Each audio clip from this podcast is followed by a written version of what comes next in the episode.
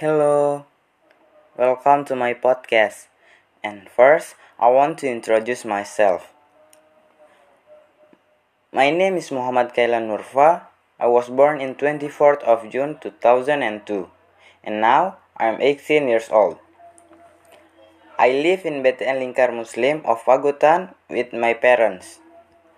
I graduated from Senior High School number 8 of Mataram and now I continue to study at the University of Mataram and majoring the English education.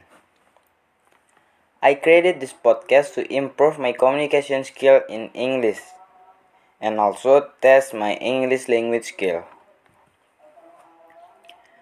That's all from me. I hope you enjoy in this podcast. Thank you and see you.